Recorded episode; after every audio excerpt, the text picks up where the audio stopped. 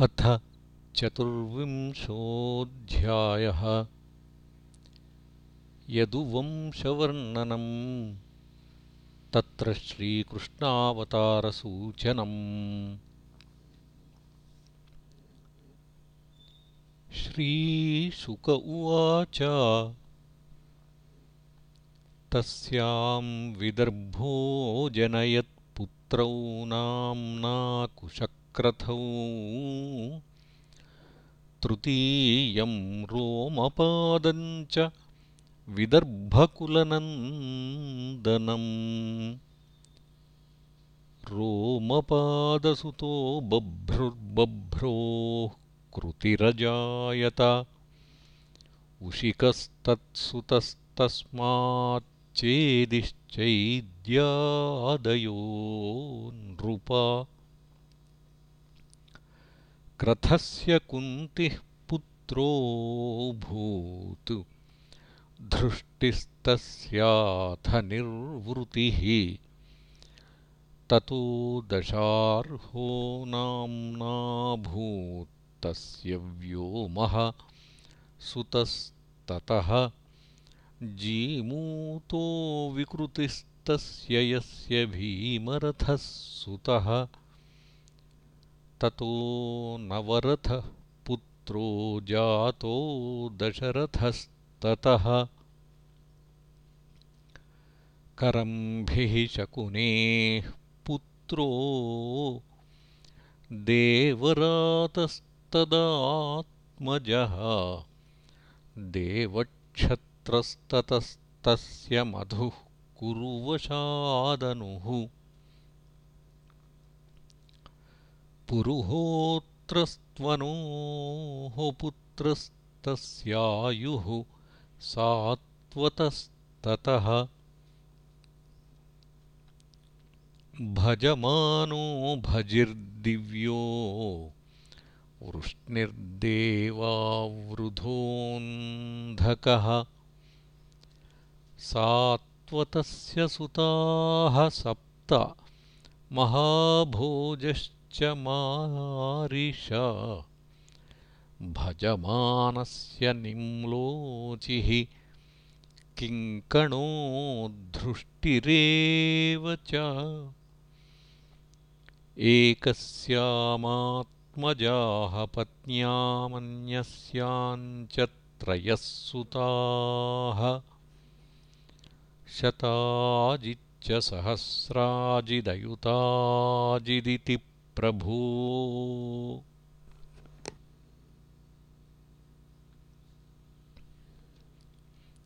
बभ्रुर्देवावृधसुतस्तयोः श्लोकौ पठन्त्यमु।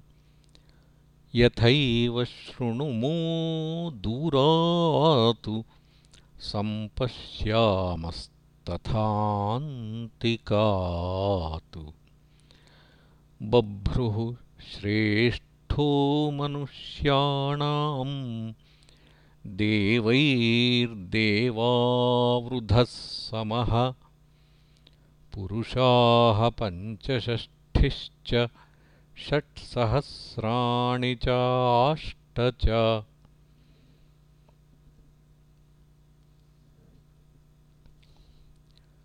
ये मृतत्वमनुप्राप् बभ्रोर्देवावृधादपि महाभोजोऽपि धर्मात्मा भोजा आसंस्तदन्वये। वृष्णेः सुमित्रः पुत्रो भूद्युधाजिच्च परन्तप।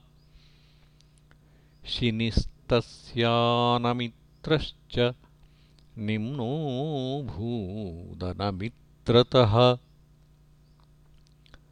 सत्राजितः प्रसेनश्च निम्नस्याप्यासतुः सुतौ।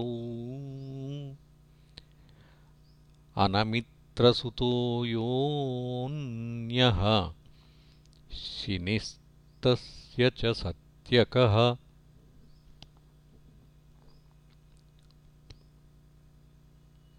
युयुधानः सात्यकिर्वै जयस्तस्य कुणिस्ततः। युगन्धरो न मित्रस्य वृष्णिः पुत्रोऽपरस्ततः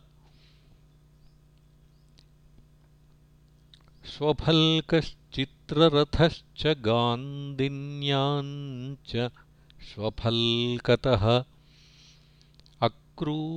अक्रूरप्रमुखा आसन् पुत्रा द्वादशविश्रुताः आसङ्गः सारमेयश्च मृदुरो मृदुविद्गिरिः। धर्मवृद्धः सुकर्मा च क्षेत्रोपेक्षोरिमर्दनः शत्रुघ्नो गन्धमादश्च प्रतिबाहुश्च द्वादश। तेषां स्वसा सुचीराख्या द्वावक्रूरसुतावपि देववानुपदेवश्च तथा चित्ररथात्मजाः पृथुर्विदूरथाद्याश्च बहवो वृष्णिनन्दनाः कुकुरो भजमानश्च शुचिः कम्बलबर्हिषः कुकुरस्य सुतो वह्निर्विलोमातनयस्ततः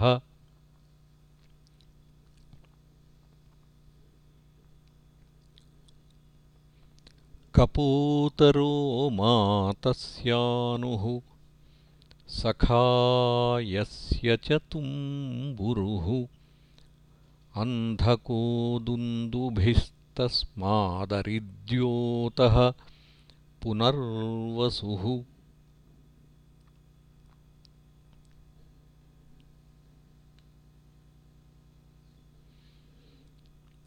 तस्याहुकश्चाहुकी च कन्या चैवाहुकात्मजौ देवकश्चोग्रसेनश्च चत्वारो देवकात्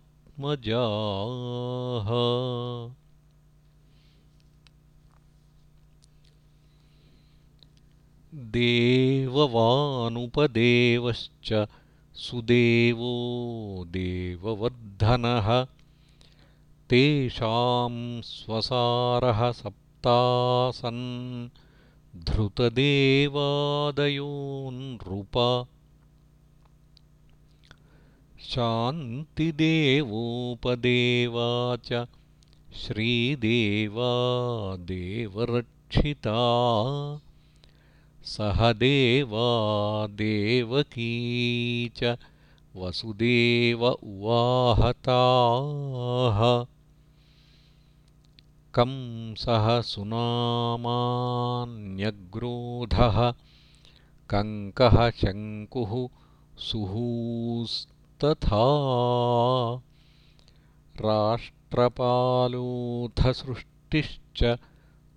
तुष्टिमानौग्रसेनयः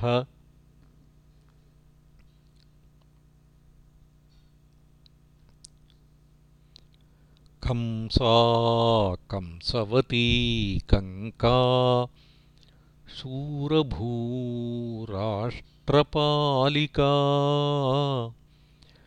उग्रसेनदुहितरो वसुदेवानुजस्त्रियः शूरो विदूरथादासीद्भजमानः सुतस्ततः शिनिस्तस्मात्स्वयम्भोजो हृदिकस्त तत्सुतो मतः। देवबाहुः शतधनुः कृतवर्मेति तत्सुताः देवमीढस्य शूरस्य मारिषानामपत्न्यभूत्। तस्यां स जनयामास दशपुत्रानकल्मषान् वसुदेवं देवभागं देवश्रवसमानकम्।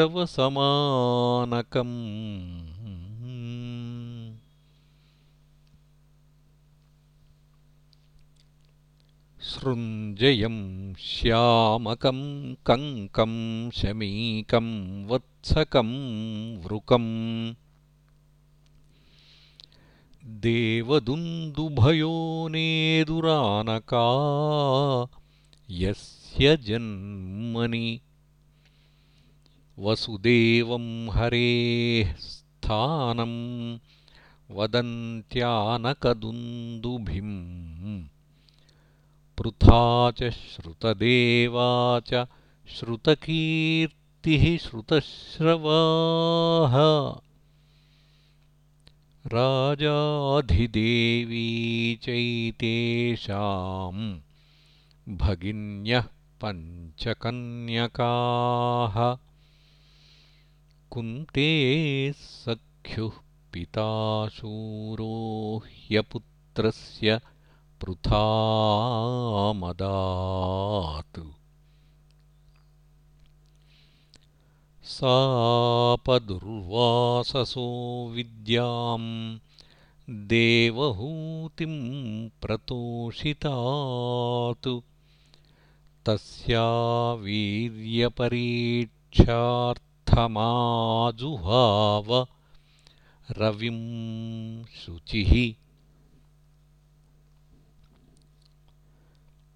तदैवोपागतं देवं वीक्ष्य विस्मितमानसा।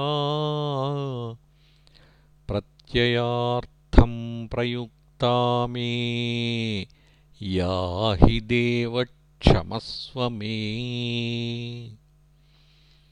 अमोघं दर्शनं देवि आधित्से त्वयि चात्मजम् योनिर्यथा न दुष्येत कर्ताहं ते सुमध्यमे।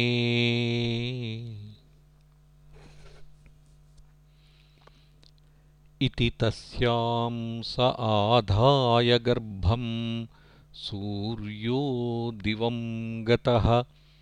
सद्यः कुमारः संजज्ञे द्वितीय इव भास्करः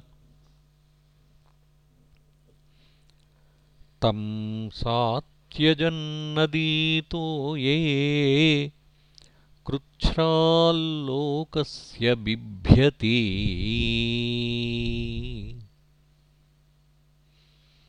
प्रपितामहस्तामुवाह पाण्डुर्वै सत्यविक्रमः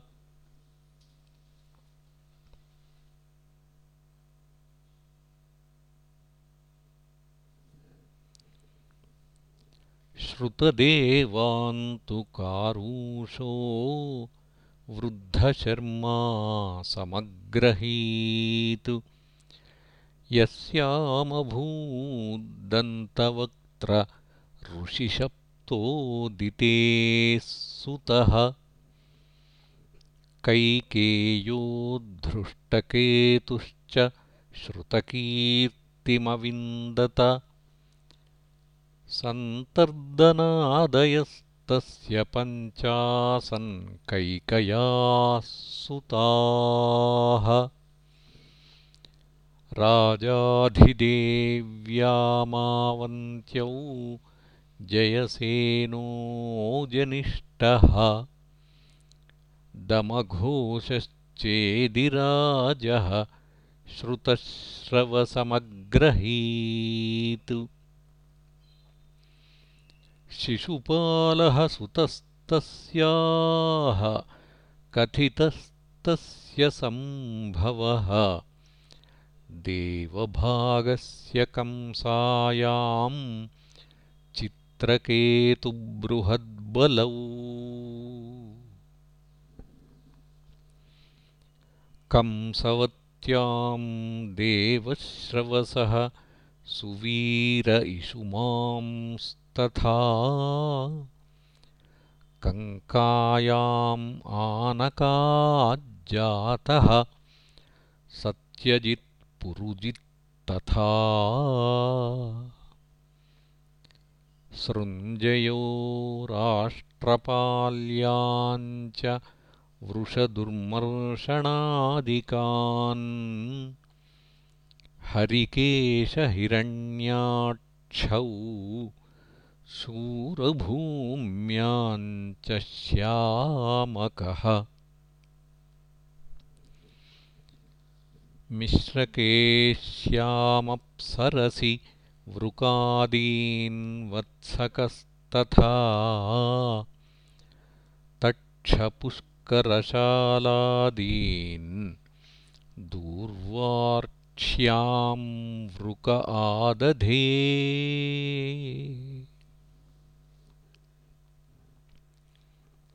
सुमित्रार्जुनपालादीन् शमीकात्तु सुदामनी। कङ्कश्च कर्णिकायां वै ऋतधामजयावपि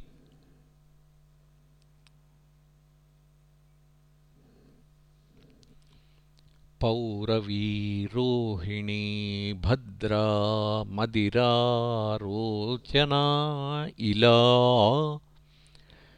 देवकी प्रमुखाश्चासन्। पत्न्य आनकदुन्दुभेः।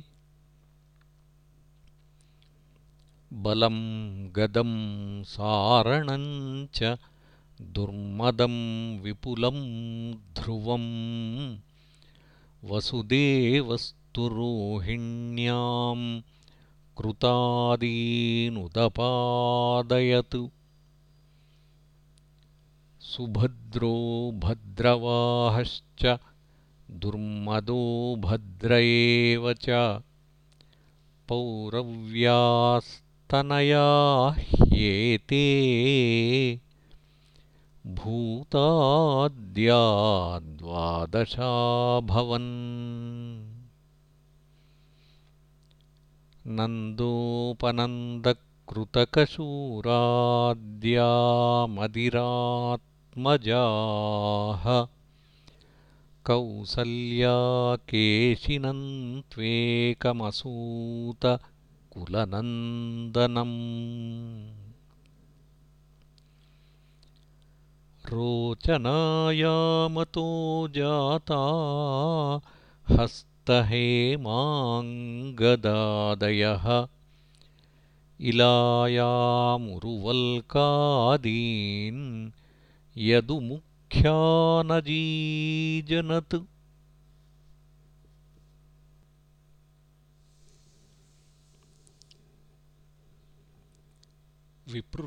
धृतदेवायामेक आनकदुन्दुभेः शान्तिदेवात्मजा राजन् शमप्रतिश्रुतादयः।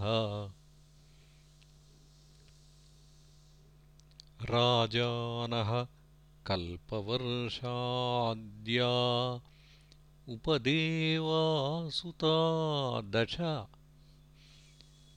वसुहंससुवंशाद्याः श्रीदेवायास्तु षट्सुताः। देवरक्षितया लब्धा नवचात्र गदादयः वसुदेवः सुतानष्टावादधे सह देवया।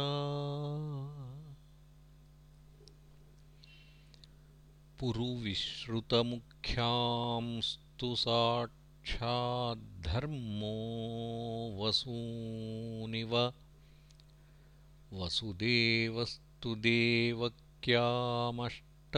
देवक्यामष्टपुत्रानजीजनत्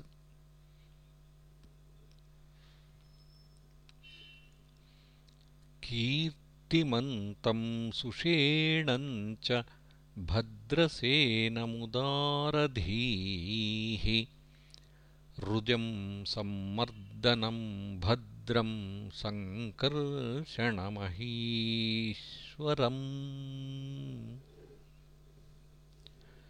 अष्टमस्तु तयोरासीत् स्वयमेव हरिः किल।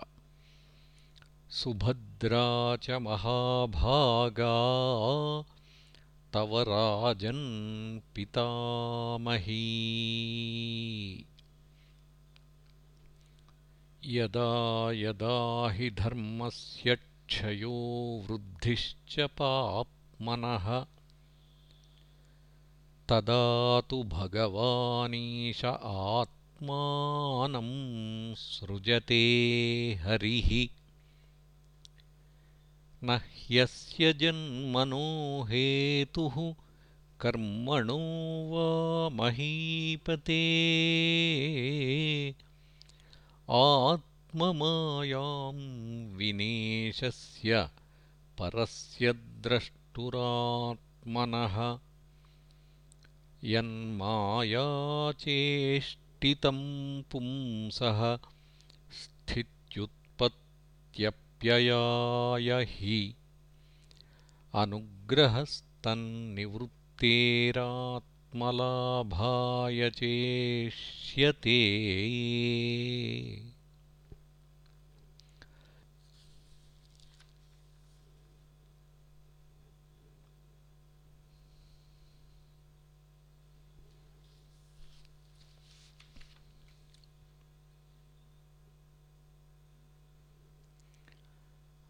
क्षौहिणीनां पतिभिरसुरैर्नृपलाञ्छनैः भुव आक्रम्यमाणाया अभाराय कृतोद्यमः।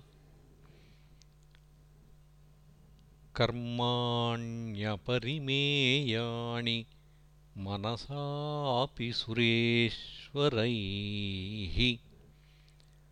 सह सङ्कर्षणश्चक्रे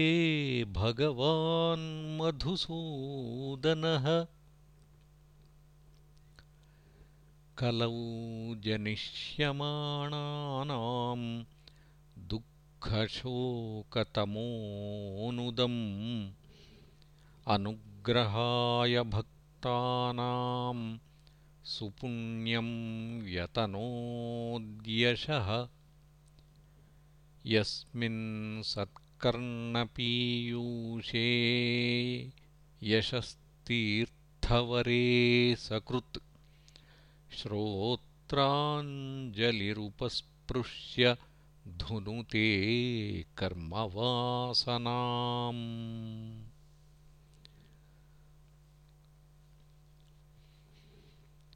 भोजवृष्ण्यन्धकमधुशूरसेन दशार्हकैः श्लाघनीये हितः शश्वत् कुरु सृञ्जय पाण्डुभिः। स्निग्धस्मितेक्षितोदारैर्वाक्यैर्वि क्रमलीलया। नृलोकं रमयामास मूर्त्या सर्वाङ्गरम्यया। यस्याननं मकरकुण्डलचारुकर्णभ्राजत्कपोलसुभगम् सविलासहासम् नित्योत्सवं न ततृपुर्दृशिभिः पिबन्त्यो। नार्यो नराश्च मुदिताः कुपितानिमेश्च जातो गतः पितृगृहाद्व्रजमेधितार्थो हत्वा रिपून् सुतशतानि कृतोरुदारः। उत्पाद्यतेषु पुरुषः क्रतुभिः समीजे। आत्मानमात्मनिगमं प्रथयन् जनेषु पृथ्व्याः स वै गुरुभरं क्षपयन् कुरूणाम्। अन्तः समुत्थकलिना युधि भूपचं वः। दृष्ट्या विधूय विजये जयमुद्विघोष्य प्रोच्योद्धवाय च परम् समगात् स्वधाम।